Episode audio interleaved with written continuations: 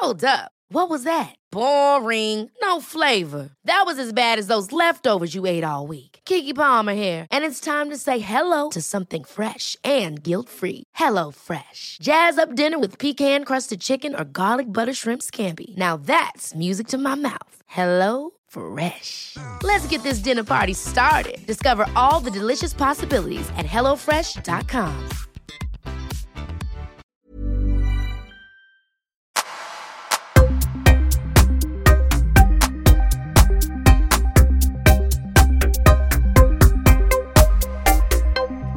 Isabella Bergström Wilhelmssons, välkommen till Öppet sinne. Tack. Du, eh, det är många som, eh, som har varit så vänner till dig som har gästat den här podden. Mm. Vi har eh, Jakob, Yes. Matilda, Ja. Liam, fast det var Ja. MMA-podden.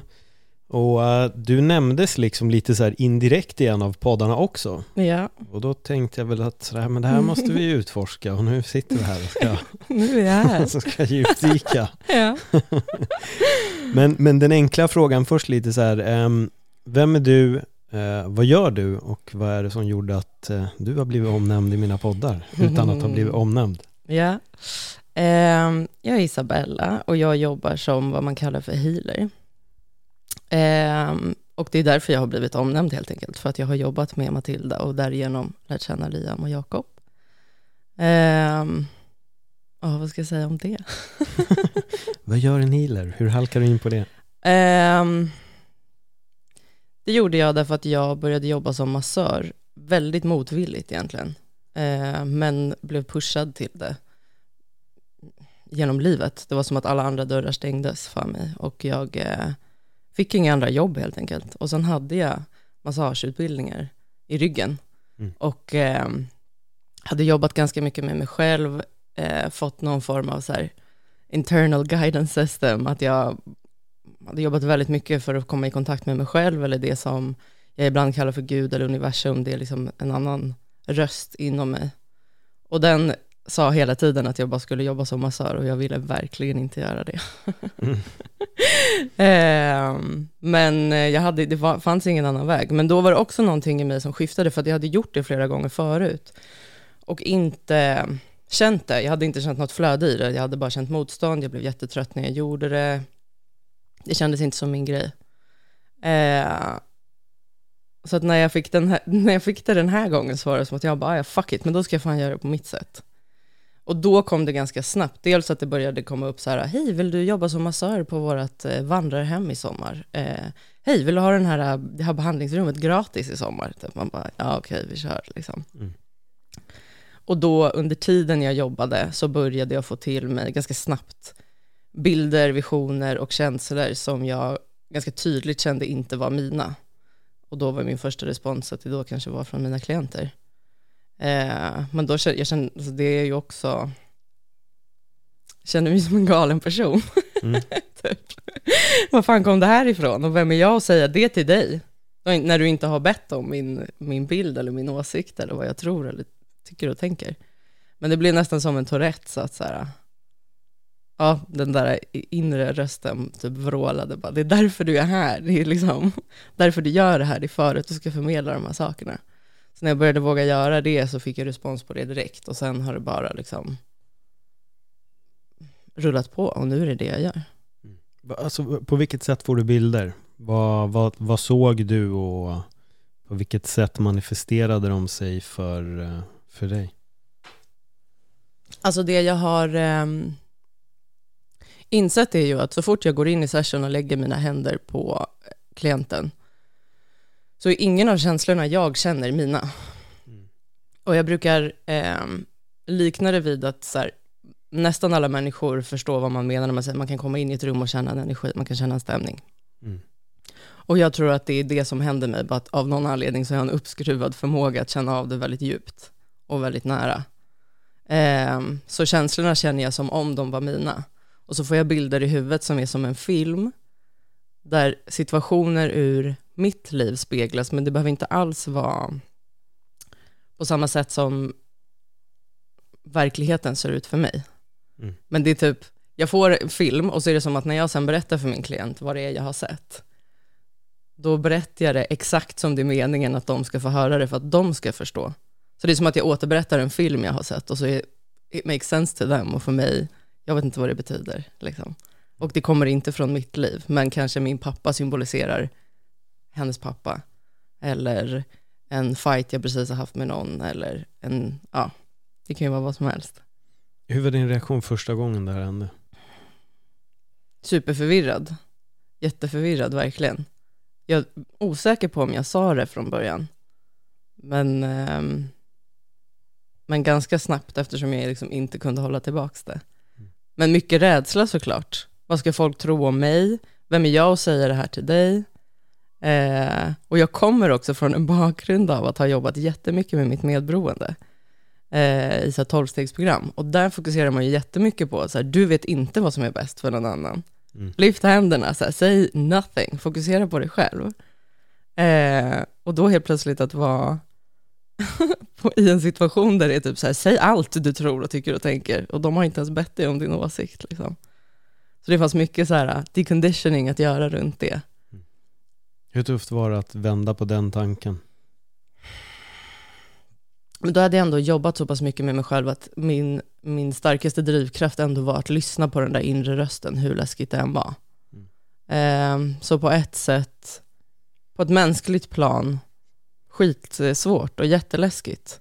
Och vad ska mina föräldrar säga? Och vad ska mina kompisar säga? De kommer tro att jag blivit galen. Och också så här, åh, jag orkar inte bli någon så här hippieflum liksom.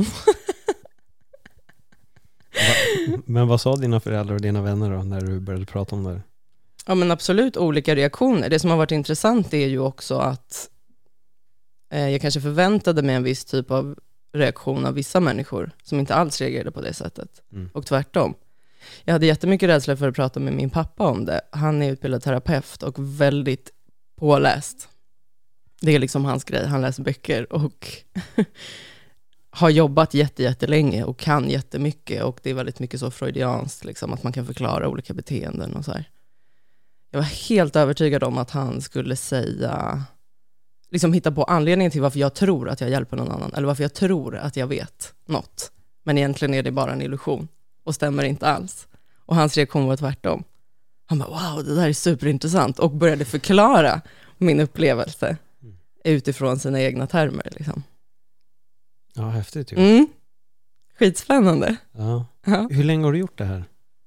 Tror att jag är inne på år fyra nu. Fyra. Mm. Hur- innan du började med det, liksom, kan du så här titta tillbaka typ och se att sådana här grejer kunde uppstå även när du var yngre eller? Nej, inte alls. Nej. Jag tror verkligen att det kom när jag var redo för det. Ja.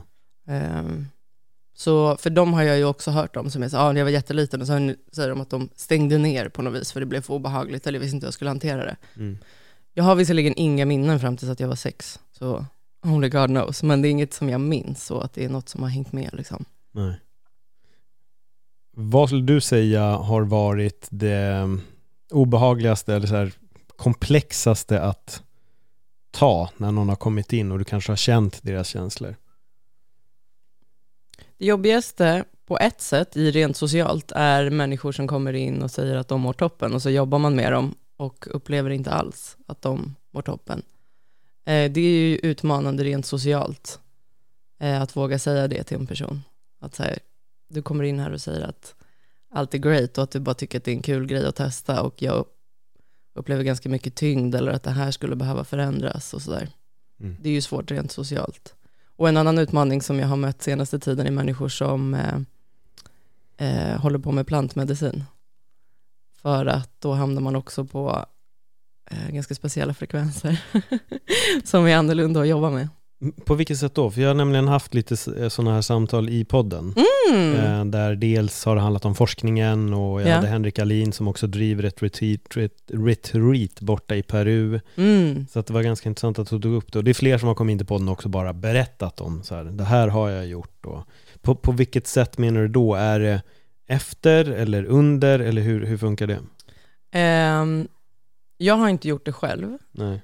Eh, av respekt för mig själv skulle jag vilja säga. Eh, jag är helt öppen för att det kan vara en fantastisk lösning för människor. Jag har väldigt mycket respekt för det. Så jag har inte vågat göra det själv av rädsla för att jag inte skulle kunna hantera det faktiskt, att det skulle gå för snabbt. För jag har en väldigt stark känsla av att allt som kan hända genom plantmedicin kan du egentligen nå själv genom att jobba med dig själv och göra saker som inte är med hjälp av en substans. Men det tar mycket längre tid. Ehm, och jag känner av det, jag hade en person som kom, han berättade inte att han hade varit på ett ayahuasca-retreat precis innan han kom. Det var verkligen literally dagen efter typ, och han Mhm. hade varit borta i en vecka. Eh, och det blev fysiskt jobbigt för mig att hålla den energin. Det var alltså en fysisk utmaning bara att vara i den, för att den var så hög. Det var verkligen någonting annat. På, på vilket sätt då? Jag, nu blir jag, blir bara jättenyfiken. Att på, på vilket sätt blir det annorlunda? Eh, extremt intensivt. Extremt intensivt. Och jag upplever också ibland då att så här, om den kanske inte haft tid att få utlopp eller integreras så är det bara som en laddning. Alltså det var som att stå och hålla i ett element. Mm. Och jag kunde inte, han skulle också få massage men det gick liksom inte. Jag kunde fysiskt inte eh, liksom gå djupare in i hans kropp för det blev bara som så här vågor av energi som bara superintensivt igenom mig. Mm. Ja.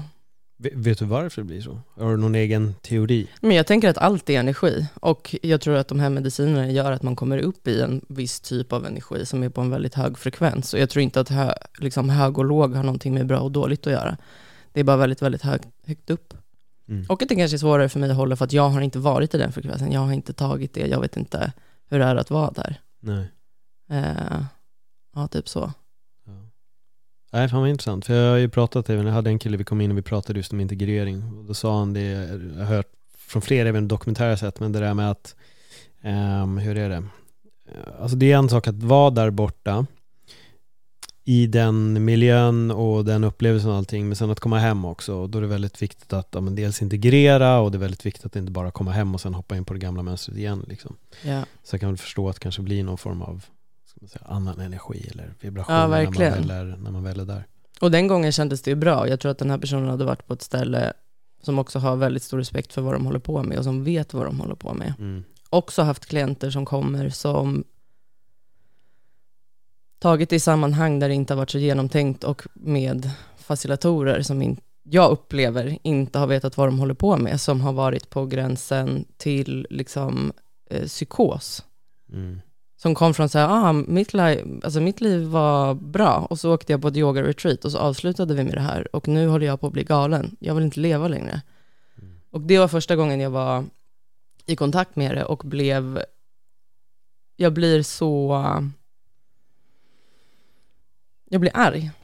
Mm. För att det är ingen lek liksom. Nej. Och jag har haft samma upplevelse med klienter som tar svamp, som inte heller, som liksom, ja det här är ett ämne jag brinner för. Men, ehm, därför att det, det triggar mycket rädsla i mig tror jag, och det är därför jag blir arg. För att folk inte vet vad de gör. Också så här, jag tror att vi har, det har blivit vanligare med plantmedicin därför att människor mår inget bra. Många gör det ju för att de inte mår bra och vill hitta en lösning till det. Och de får ingen lösning till det. Ehm, och så blir det normaliserat därför att det funkar, men också för att det liksom blir vanligare och vanligare. Det finns större, i större tillgäng, eller det blir mer tillgängligt. Men det gör ju också att människor hamnar i det som inte vet vad de gör. Och det skrämmer mig. Mm. Eh, för att jag kan känna det i mitt jobb. Det blir supertydligt då att så här, du är inte här. Nej. Du är någon annanstans. Eh, och om du fortsätter så, så kanske du försvinner helt. Liksom. På vilket sätt är de inte här? Mm. De känns inte närvarande i sig själva. Och jag märker, de kommer ju också till mig för att det är någonting som behöver integreras, att de inte känner att de är i balans, liksom, eller att de inte har kontroll över det som händer. Hur hjälper du dem på vägen? Det är ju superindividuellt. ehm, beroende på vad som kommer upp för dem och varför de är hos mig. Liksom. Men eh, mycket handlar ju om, för det jag också tror, i alla fall min upplevelse med ayahuasca, är att det som händer är ju det som, precis som jag sa innan, att så här, det är nog det som kommer att hända dig oavsett. Det är en process som du kommer ta dig igenom, men det går mycket, mycket snabbare. Så om du tar det utan att veta vad du håller på med så kommer allting på en gång. Så det som har hänt i de fallen är ju att jag kan hjälpa dem bryta ner och spegla vad det är som kommer hända och kanske också komma med ganska lugn, att så här, mycket lugn att du kommer inte bli galen om du nu börjar jobba och ta hand om det som har dykt upp liksom. Men nu är det som att du bara öppnade dörren till alla din, all din skit som du behöver jobba med. Och klart som fan att det är jobbigt liksom. Ja, uh, oh shit, det finns mycket att, att uh, dyka i där. Men jag Mm. tänker så här då, om vi öppnar dörren för egentligen bara allt just nu, inte bara um, folk som har tagit plantmedicin, utan lite så här generellt. Ja. Um, vad brukar vara liksom, jag vet inte om det är fel formulerat, men så här standardproblematiken för folk som kommer in, kan du se typ att så här, det här är väldigt vanligt, det här är grejer som personer inte har tagit itu med, eller liksom kan du, finns det något sånt? Det går väldigt mycket i vågor faktiskt. Ja. Det är intressant att se. Man Mm. bara, okej, nu jobbar jag med många människor som jobbar med den här problematiken.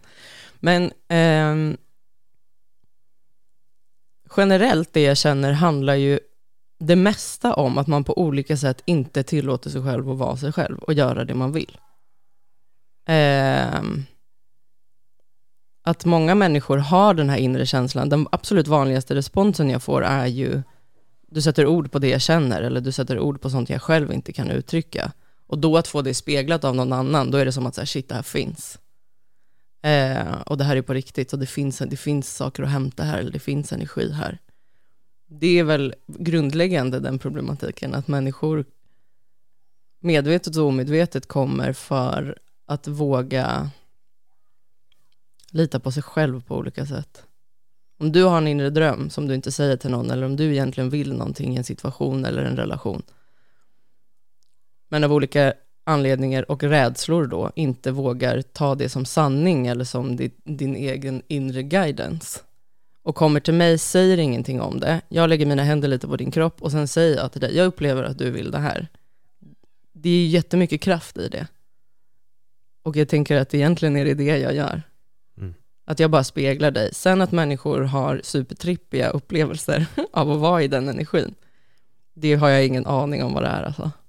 Menar du energin efter att ha varit på en session hos dig? Eller? Ja, folk upplever liksom alla möjliga grejer när de ligger där på bänken, som Ja. ju låter superhärliga. Jag har inte Mm. varit på så mycket healing själv, så jag vet Nej. inte.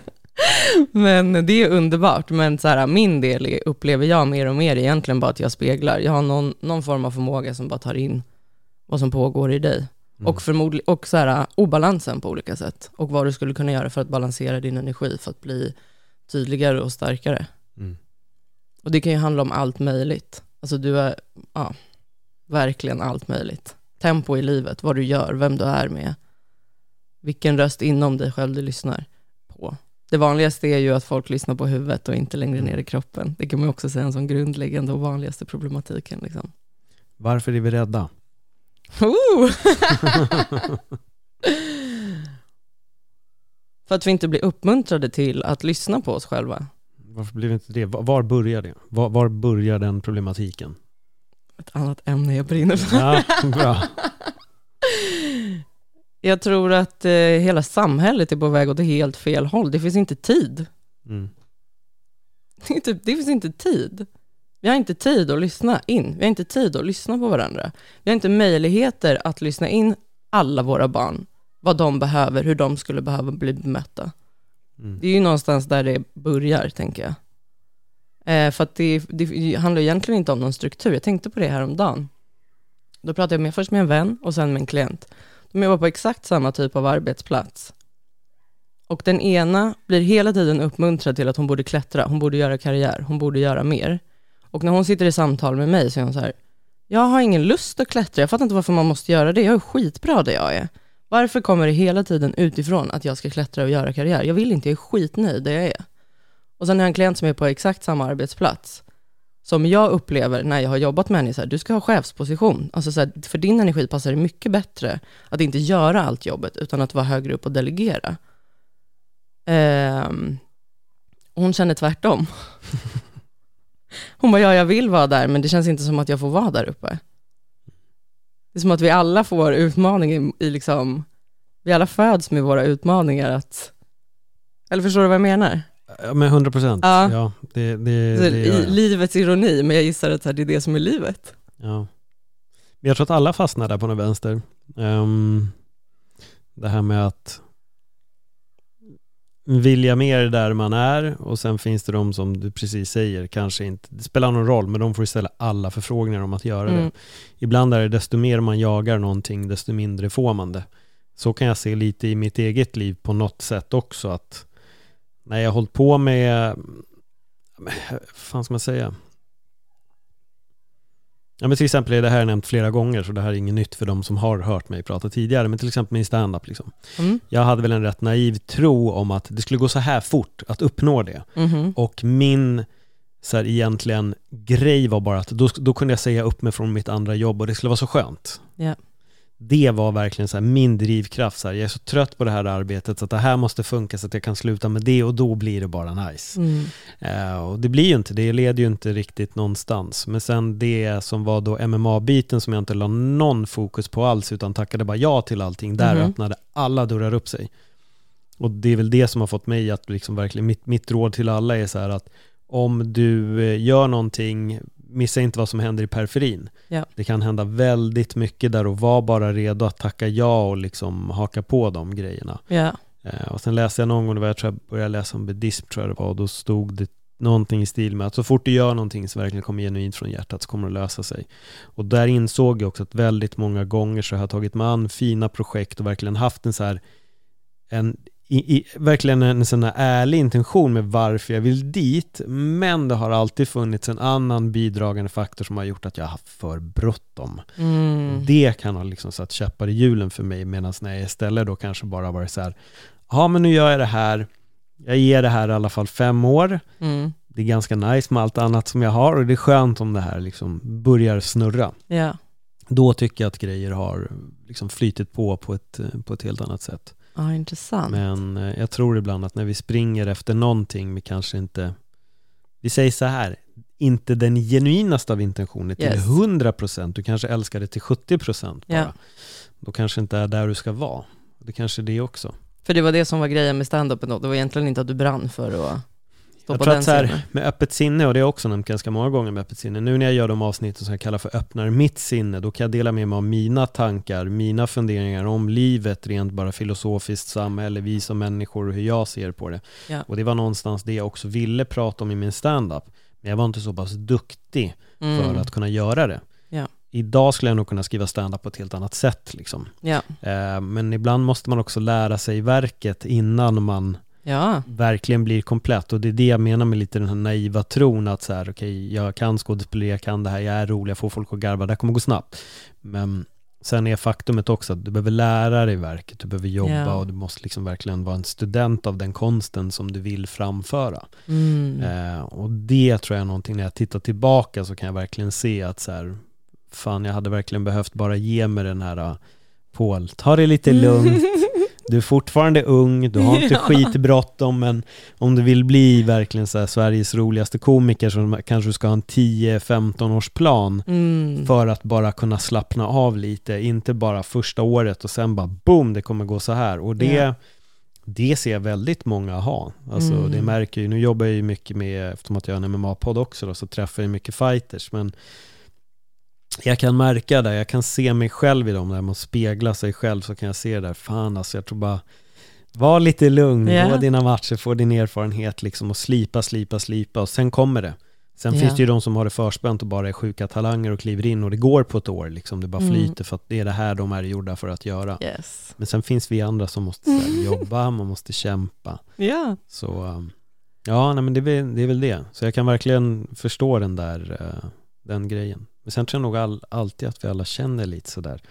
Och det är oftast någonting som rycker i oss. Fast man inte vill dit så är det någonting som drar igen. Men den här andra personen kanske helt enkelt ska ha ett annat jobb istället. Vem utav dem tänker du? Den som kanske inte vill bli chef och den som vill bli chef kanske egentligen Ja, ska tror vara du? Nej, jag tror, men vadå, det måste ju finnas en plats för alla. Jo, men jag tänkte på den platsen. Alltså att det kanske inte är det företaget. Det är så jag tänker. Ja, ah, tänker så. Jag tänker så. Det kanske finns ett företag som ser alla den, hennes attributer och att det är där felet blir istället. Mm. Det är så jag tänker. Mm. Medan den andra kanske är så pass liksom lugn i sin framtoning. Det blir som att gå ut när man är eh, singel så träffar man ingen. Men så fort man har någon så är alla där bara hej, tjena, hallå, hallå, hej, hej, hej. Jag tror att det kan vara som att säga jag vill bli chef, jag vill bli chef och så bara nej, men den här personen Ja, vill inte bli chef och är jätteavslappnad istället. Ja. Jag tror att det kan vara det ibland också, man skickar ut den här signalen att man vill någonting på tok för mycket kanske. Jag vet ja. inte, så det kanske verkligen. bara är ett, egentligen kanske bara är fel plats. ja, det tror jag definitivt. vara det. Mm. Ja. Men vad, vad mer? Berätta mer om, om alla de här, för, för jag, vad tänkte jag på? Jag, jag kan också känna lite så här, just det här med att bygga sig själv, som du säger, vi var inne på det här lite med barndomen och hela den biten. För där känner jag att det finns ju på något sätt också så sjukt mycket att, att gräva i. Mm. Men är det oftast där grejerna härstammar ifrån eller är det också väldigt mycket så här nyligen grejer som kan poppa upp igen som kan förvränga ens energier eller vad man ska säga liksom? Eh, I början när jag jobbade fick jag mycket mer sådana meddelanden, eller vad man ska säga, information Mm. som var rotade i barndomen. Nu senaste året skulle jag säga handlar det bara om så här, hur du kan course direct där du är nu. Det är ju bara nu du kan göra en förändring. Sen kan det vara så här, jag tror att du skulle behöva gå och prata och prata mycket om vad du har varit med om. Och bara tömma systemet och land, låta det landa och integreras i dig på ett annat sätt. Liksom. Men majoriteten av vägledningen handlar verkligen om så här, vad du kan göra när du går ut från dörren för att skicka din energi där du är nu. Hur, gö- hur jobbar du med dig själv då? När det kommer till de här grejerna. Hur, hur gör du för att, för jag kan tänka mig också att sitta då och ta in allting Ja. som du gör.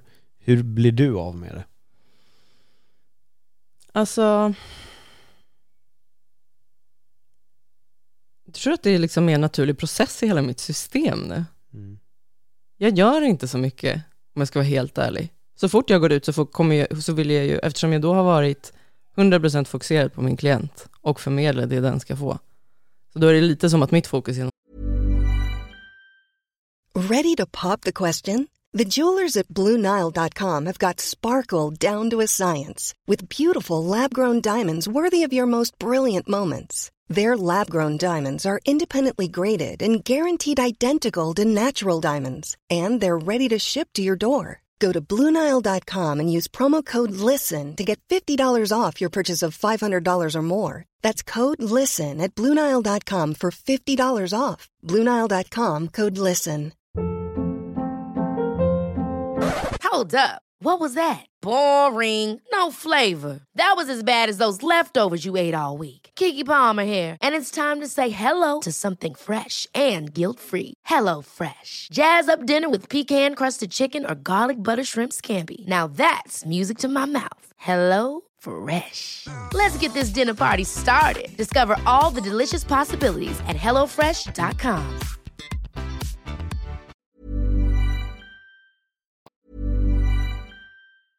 Hey, it's Paige DeSorbo from Giggly Squad. High quality fashion without the price tag. Say hello to Quince. I'm snagging high-end essentials like cozy cashmere sweaters, sleek leather jackets, fine jewelry, and so much more. With Quince being 50 to 80% less than similar brands. And they partner with factories that prioritize safe, ethical, and responsible manufacturing. I love that. Luxury quality within reach. Go to quince.com slash style to get free shipping and 365 day returns on your next order. Quince.com slash style. en helt annanstans när jag jobbar. Så sen när min sista klient har gått, då är det så här, okej, vart är jag, vad behöver jag? Och så börjar det här snacket som pågår hela tiden inom mig, så här, och vilken röst är det som säger det och vad vill den, okej. Och sen så försöker jag bara göra det som känns, det är som att jag blir hela tiden, om jag lyssnar på ehm, min, vad man säga, mitt hjärta, min inre röst, Gud, universum, whatever you wanna call it, och inte mitt huvud. Då tror jag liksom naturligt att jag bara kommer att göra de sakerna som mitt system behöver för att jag ska må så bra som möjligt. Mm.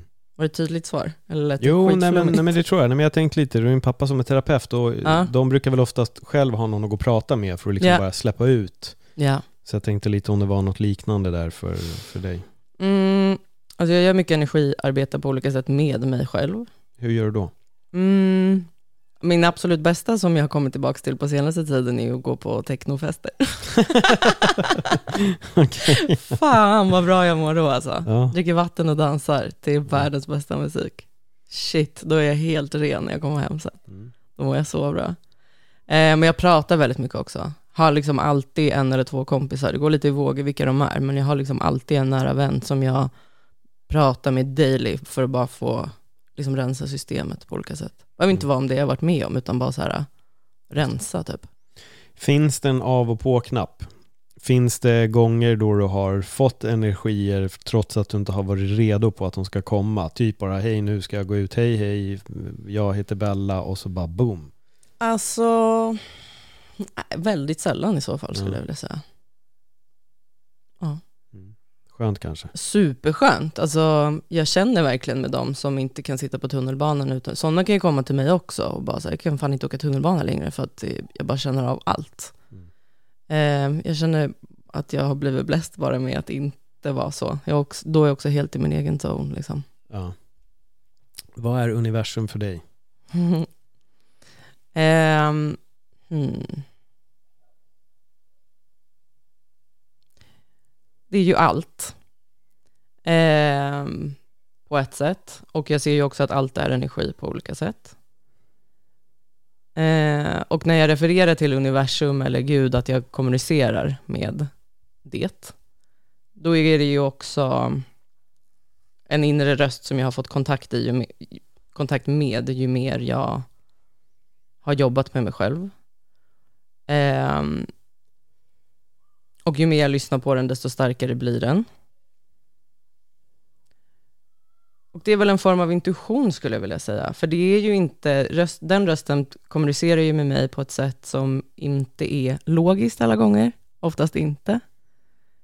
Jag säger ofta så här, it doesn't make sense to me. Men det är det här jag måste göra typ. Ehm, och det leder ofta till synkroniserade situationer eller att saker och ting löser sig eller att det funkar precis med alla människor som är involverade. Och på det sättet så känns det ju som att det inte bara handlar om mig utan det är också connected till andra människor. Mm. Förstår du vad jag menar? Ja, för jag började helt plötsligt tänka på igår så att jag åt mat Mm. och så tänkte jag så här, jag måste messa Bella för att bara så här checka av morgondagen och jag tror det tog typ så här 20 sekunder. Så bara hej, jag tänkte bara kolla. Då var det lilla jag. Ja, Men det där är så intressant, jag har pratat om den här grejen också tidigare i podden. Jag tycker det är intressant när det är grejer, det är ju synkronicitet. Att Ja. vissa grejer bara sker. Ja. Uh, om man tänker på varandra och så vet man inte vem tänkte egentligen först. Var det Ja. min tanke som gjorde att du messade mig eller Mm. var det att jag märkte att du var på väg att messa mig vilket jag började tänka? Och det där kan ju slå rätt många knutar i, i huvudet på en. Men det är, eh, det är intressant. Jag tycker hela den här grejen med menar alltså energier och universum och hur det funkar, det väcker, väcker väldigt mycket frågor.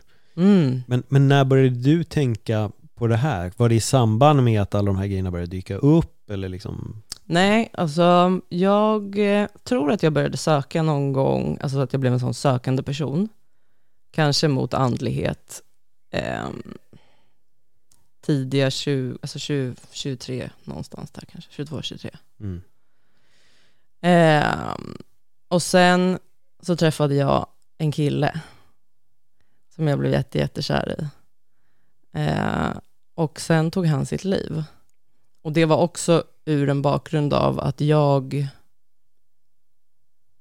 eh, som jag sa innan, hade liksom byggt upp ett ganska starkt medberoende till andra människor.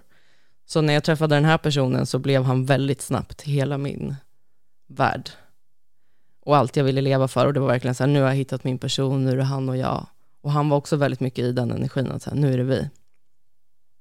Men under tiden som vi var tillsammans så eh, gick han ganska snabbt in i en depression. Som eskal- eller den eskalerade väldigt snabbt. Ehm, och ja, nu kommer jag återkoppla till det här med att jag är så här rädd för plantmedicin och substanser överhuvudtaget. För lösningen på det som han fick av vården var ju bara olika mediciner. Och vad han verkligen hade behövt var att få prata bara. Han behövde tid, space och att få prata. Eh, och jag upplever att alla de här olika medicinerna som de bara fortsatte, han mådde bara sämre och sämre och sämre, han fick bara mer och mer mediciner och det slutade med att han tog sitt liv. Eh, och då dog ju allt i mitt liv också eftersom han var hela mitt liv. Så att det, fan, det var väldigt nära för mig att jag också följde efter. Även fast jag hade familj och vänner och allt sånt där, men jag hade inget eget liv. För han var mitt liv och jag var så fast i mina medberoende mönster. Liksom. Eh, så när han dog så var jag i ett något vakuum i ett halvår ungefär. Jag minns ingenting från den tiden. Levande död, alltså verkligen. Och varje dag gick jag runt och bara, är det idag jag ska ta livet av mig eller inte? Är det idag jag ska ta livet av mig eller inte? Och sen var jag på semester med min familj och så satt jag på en balkong och så uh, satt jag där återigen och tänkte, ska jag hoppa från den här balkongen nu eller inte? Och då var det som att den här rösten kom in. Det här är liksom mitt första starkaste minne av universum, eller vad vi nu ska kalla det för. Som kom in och bara, men det här du håller på med nu, så här, ska jag, ska jag inte, fram och tillbaka, så här, det är inte heller ett liv. Antingen får du hoppa nu, eller så får du bestämma dig för att du ska börja leva. Och där skiftade någonting i mig. Och efter det tror jag att det här med andligheten har liksom börjat växa. Um, och med den kraften, för det var också en kraft i det, det är ju en energi i det när man är i kontakt med det, upplever jag i alla fall. Jag vet inte om du känner samma. Man kan få väldigt mycket energi av det. Men då började jag liksom bygga upp ett liv som på typ så här, jaha, då ska jag bygga ett liv då, från ingenting till att ha ett liv. Vad gör man? Man skaffar sig en karriär, man börjar gå ut, man skaffar sig ett boende typ gjorde det, så här, klättrade supersnabbt i musikbranschen och jobbade där och var ute och liksom levde livet som man ska göra när man är 25, 26, 27. Och mådde så jävla dåligt. Och det var nästan en ännu värre smäll att ta. Att så här, absolut, när han dog så dog jag också på jättemånga plan och det var ju fruktansvärt, alltså det är ju såklart det värsta jag varit med om. Men det är fruktansvärt på ett annat sätt att känna så här, nu har jag allt det här man ska ha och jag mår fortfarande skit, vad fan ska jag göra nu? Um, och då hamnade jag i tolvstegsprogrammet och det är ju väldigt så Gud, universum, högre makt baserat. Så då var det som att jag kom in i liksom en hardcore school i att bara lämna över livet till universum och bara, jag vet fan inte vad jag ska göra, nu har jag försökt. Och det hjälpte inte mig.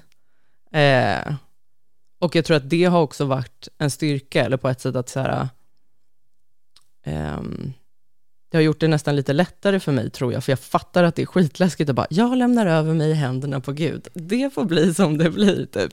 Det är ju skitläskigt, men eftersom jag har verkligen upplevt att så här, jag har redan varit nära att dö och jag försökte fixa mitt liv själv och det gick inte, ja, då får vi väl testa det här då. Alltså nästan lite så här sur, bara, ja, lös det då, din jävla... så i det har jag ju liksom jobbat jättemycket med um, andligheten och öppnat upp jättemycket. Nu har jag helt glömt vad frågan var faktiskt. Um, jag kommer inte heller riktigt ihåg vad frågan var om jag ska vara ärlig. Ni som lyssnar kan ju spola tillbaka och ta reda, på, ta reda på vad det var. Men, men jag tänkte på en grej här, för mm. um, när du kom in på det här med att liksom, du hade ändå ja, ett bra jobb och allting, men du mådde skit. Och det är någonting man hör om väldigt många. Yeah. Som exempel så här, Robin Williams, ja, men skådespelaren då, yeah. tog li livet av sig och så tänker alla, men fan har det allt, liksom karriär och du vet massa pengar och va varför? Yeah. Um, men det är frågan där, vad, då kommer vi till det, vad är det egentligen som gör en riktigt lycklig? Mm. Vissa av oss kanske tror att hans liv hade gjort oss jättelyckliga, att, mm. att leva den karriären, men det kanske inte var det som var lycka för honom. Nej. Att hitta den här definitionen av, eh, av lycka. Ja. Hur var det att inse att det är inte det här jag ska göra. Som, för du gick ju därifrån eftersom att uppenbarligen inte jobbar kvar med det där längre. Ja, jag gick in i väggen. Ja, det är så? Ja, absolut. Ja, Samtidigt som jag utbildade mig till friskvårdskonsult. Ja. liksom alla varningsflagg. Jag jobb, då studerade hur man ska ta hand om människor som går in i väggen. Alla varningsflaggor, jag bara, inte, det gäller inte mig, det gäller inte mig. Kan se det i alla mina kompisar som är på väg att gå in i väggen, men det gäller inte mig. Bam. För ja. jag fortsätter ju bara göra mer, mer, mer, mer saker. Tränade thaiboxning fyra gånger i veckan, pluggade det där, hade managerroll på jobbet, bara brrr, två miljoner grejer, bara för, det är ju det vi gör. Eller upplever jag många gånger, att så här, vi vill bara få energi av någonting, så vi bara gör mer och mer och mer och mer för att få energi, men den tar den. Och sen, ja, är det ju som att universum sätter ner foten och bara, men nu får du fan, skärp dig, sätt dig ner. Vad hände när du gick in i väggen? Eh, nej men bara kommer inte upp ur sängen längre. Verkligen. Och det, var, det är ju en fruktansvärd plats att vara på, för ganska kort innan det så satt jag utanför en sån thaiboxningsträning med min kompis som också bodde med mig då. och var liksom helt förstörd. Hon bara, Bella, du kan inte hålla på så här. Det här kommer inte sluta bra. Liksom. Och jag bara, vadå? Jag måste ju jobba för att tjäna pengar. Jag måste plugga för att jag vill inte jobba med det jag jobbar med, för att jag vill ju göra något som känns mer värdefullt. Jag måste ju träna, för det måste man ju göra för att må bra.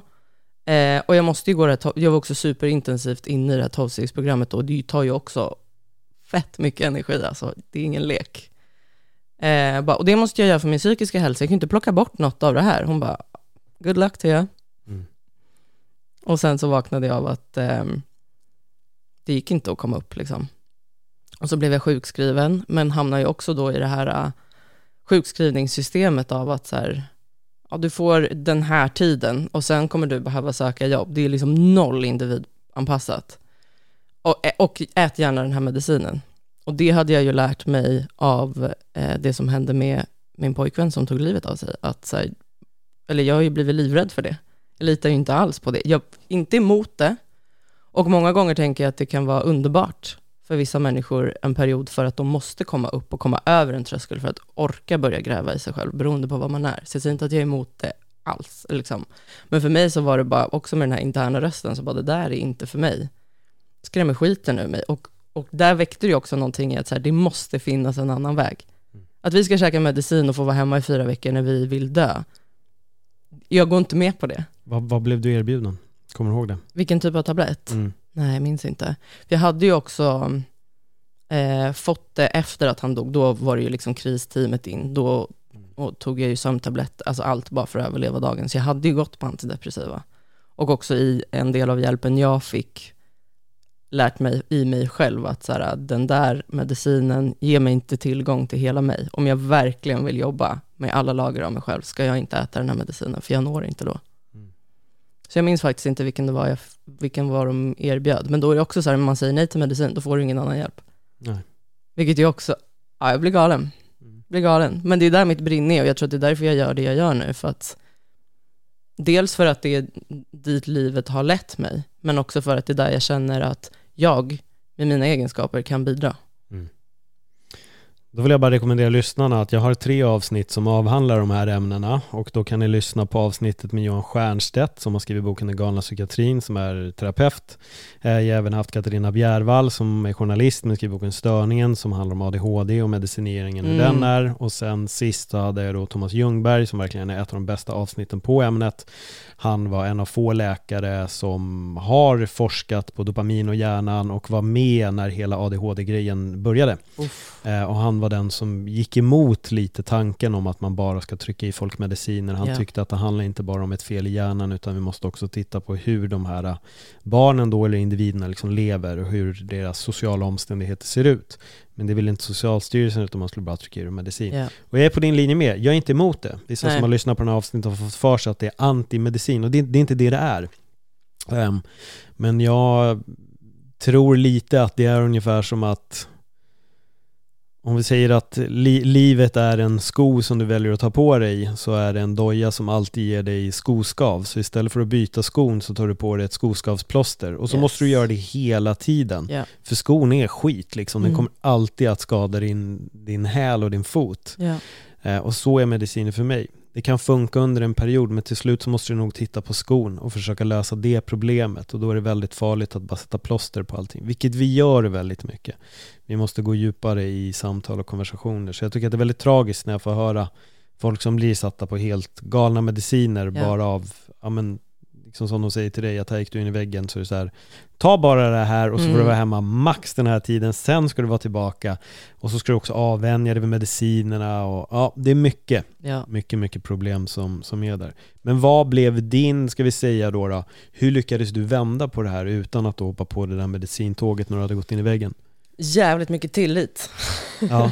Tillbaka till universum alltså. Mm. Fan, jag kan tänka tillbaka och bara jävlar vad modig jag var. Ehm, därför att då var det så här, okej systemet bär mig inte. Jag kommer inte få någon hjälp där. Jag orkar inte jobba. Jag får leva på tillit. Universum får lösa det här åt mig nu. Mm. Fuck it typ. Ja, och här sitter jag nu. så universum löste det. Mm. Men det är inte lätt alltså att inte höra, alltså så här, jag hade ju heller inte jättemånga människor runt omkring mig som var troende i den nivån, eller på den nivån av att så här, literally lämna över sitt liv, bara, jag vet inte, då får jag väl hamna på gatan då. Det levde jag under ganska länge. Mm. Det handlar inte om att mina föräldrar inte skulle ha hjälpt mig. Det, alltså, jag kommer från en väldigt kärleksfull familj. Men det handlar ju om att liksom kunna bära sig själv, eller det är ju det som är drivkraften, att kunna överleva i sig själv på något vis. Men så fort jag också typ liknade mig, eller så, vad heter det, förlikade mig med den, att så här, ja, då hamnar jag på gatan och då är det Guds vilja typ. Då bara, ja. Alltså det finns så mycket frid i att tänka att så här, worst case scenario, bara, ja, då kommer väl det vara asbra. Typ. Vilken har varit den jobbigaste stunden i allt det här? I alla de här tankarna och att överlämna sig själv? Det är ju när rädslan kommer för att bli ensam. Det är ju också på tal om så här, vad är vi rädda för? Vi är rädda för att bli ensamma. Eh, och i det ligger det ju så mycket att våga visa vem man är. Det är ju det som är så jävla läskigt, att om jag verkligen visar vem jag är, kommer det stå någon bredvid mig då? Och också så här kliva in i, i, alltså generellt så, att bara kliva in i det här jobbet och stå för det och prata om det. Det är också en anledning till varför jag inte har velat vara med i poddar, för att jag inte orkat med att bli dömd. Um, så det är ju det, alltså roten till det tänker jag. Det som, man är, som jag är mest rädd för, som har varit jobbigast. Men det självklart att, att han tog livet av sig är ju det värsta som har hänt någonsin. Såklart. Ja. Såklart. Men jag vill bara fråga, vad, vad, vad, är du rädd för att bli dömd för? Att jag ska vara flummig och konstig och galen. Upplever du att alla andra är normala? Ja men typ om jag ska vara helt. Okej. Eller så här, det är ju någonting av det fina med mitt jobb, att så här, man kan möta alla möjliga människor, men jag möter dem ju på, liksom, jag möter något så jävla fint i varenda en som kommer in. Det finns i alla. Mm. Jag behöver inte tycka om det eller vilja umgås med det, men det finns där och det har en poäng och så här, du vill de grejerna som du innerst inne vill och du är på det sättet som du är därför att du behövs som den personen. Och jag tänker, eller det är väl också något som är så vanligt för människor som börjar lyssna på sig själv, som börjar leva efter sig själv. De får ju alltid väldigt positiv feedback. Det händer fina saker. När man lyssnar på rätt röst. Ja, Det är det också. ja, och så mår man bättre. Mm. Man gör verkligen det. Alltså jag har mått så dåligt. Jag har haft, så, alltså, hela min tonår bara kroniskt deprimerad. Alltså ingen lösning. Jag tror att jättemycket av det handlar om, dels absolut, det var min livsväg och typ, det är ju en jättestor eh, tillgång i mitt jobb, att jag har känt alla de här känslorna, för då kan jag ju möta dem i någon annan och känna dem och förstå vad de betyder när jag känner dem i någon annan. Liksom. Men så mycket lidande av att inte bara få slappna av och vara sig själv, för att samhället säger att så här borde du vara. Som kvinna, dotter, vit, från Södermalm, tjej, men du vet. Mm. Jag, det är intressant för jag, jag pratade just om det om att vakna och att det är mycket fantasier och mycket hittepå som vi gör. Allting är egentligen bara en massa föreställningar. Ja, Och det är precis det du nämner nu. Det är egentligen bara någon som tycker och tänker att det är så men man kan bestämma sig för att det inte är så också. mm. Och våga gå sin egen väg liksom. Men Ja. att vi är väldigt präglade av de här normerna och fantasireglerna som vi spinner vår verklighet på. ja, Men sen vaknar man upp och så inser man att fast vad fan, jag behöver inte följa det här. nej, Jag behöver inte göra allt det. nej. Känner du dig mer fri nu som Södermalmsdotter?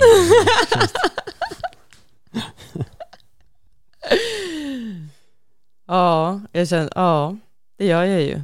Jag mår ju väldigt mycket bättre. Mm. Vad var det som var jobbigt med den känslan som du beskrev när du var yngre? Jag kände inte att jag passade in. På vilket sätt då? Det var som att jag inte fick ta plats. Mm. Jag visste inte ens vad det där jaget var ju, eftersom det fanns inget, ingenting som uppmuntrade mig till att söka efter det. Ehm. Och det är väl det som jag sen blev tvingad till Mm. i allt arbetet jag har gjort liksom. Mm. Men, ehm, ja, var det svar på din fråga? Jo, för att, för att jag upplever att det är den frågan många har. Att de upplever inte att de platsar. Nej, Att de upplever att de hittar inte sin plats. Och jag tror att ibland så kan den, den tanken är helt rimlig, mm, men den är en del av livet. Ja, och vet jag. du vad, vad jag tänker då? Mm. Att ehm, det här kommer igenom så ofta i session. Att så här, hur ska människor kunna hitta dig om du inte visar vem du är? Mm. Det är ju helt omöjligt. Nej. Så man måste ju börja, och det är skitläskigt, för då bara, ha, då är det väl jag som är ett freak då. och så får jag stå här själv typ. Men då helt plötsligt så energimässigt så visar du ju någonting som du inte har visat innan, och vilket gör att du kan attrahera in människor på samma frekvens. Ja. För det var precis det jag tog upp också i klippet som jag laddade upp. Ja, men för, för mig var det väldigt mycket det här med Ja men jag var skådespelaren eller komikern eller PTn eller han som liksom jobbade med mat. Det var jag. Ja.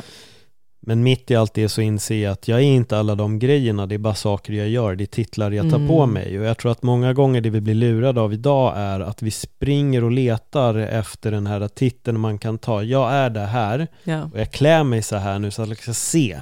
Ja. Nu är jag det här.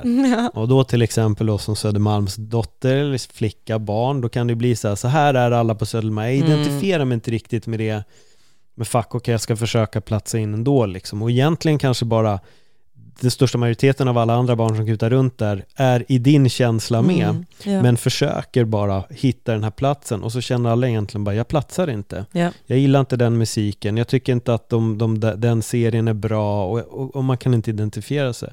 Och då tror jag vi blir vilsna. Ja. Och så fortsätter vi att bli mer vilseledda av allting vi får höra. Du ska göra det och så ska du plugga och det här, hitta och kom, kom på här nu lilla Kjelle liksom. Du är fem år nu men alltså du, vad vill du bli? ja. Vad vill du gå i gymnasiet? Och så här, jag vet inte, jag vill Ah, astronaut. wow, vad jag reagerar på det också. Så Mm. Jag gör ju det med, men jag bara, varför frågar jag det här barnet vad de vill bli när de blir stora? Vad är det för Ja. jävla fråga? Ja. vad vill du göra nu? Är väl den enda aktuella frågan. ja, för de kan ju bara vara i nuet. Ja, Det är ju det. Så det, blir, det blir så abstrakt och jag tror att det är det där som gör att vi blir väldigt vilsna och känner att vi inte platsar. ja, Men jag tror också att det är en del av det här att upptäcka sig själv. ja. Men sen så tror jag inte vi blir uppmuntrade att våga vara oss själva heller. Vi blir hela tiden tilltalade i om de här fantasierna som vi bara sprider vidare. Att ta reda på allting så fort som möjligt, plugga det här är rätt, det här är rätt, prata så, gör så, klä så, gå så här, Ja. bete dig så här. Och sen undrar man varför alla känner att jag känner inte att jag platsar någonstans. Mm. Och sen hittar man någon obskyr liten så här klick med folk som har vågat vara ärliga med att Hej, jag pallar inte med det här Ja. skiten, jag vet inte vad. Fan vad bra, Mm. vi hör ihop. Ja, Men jag tror att alla är vi det, det är därför jag frågar så här, är alla andra normala? Jag tror att vi alla är egentligen normala, men vi är också helt onormala allihopa.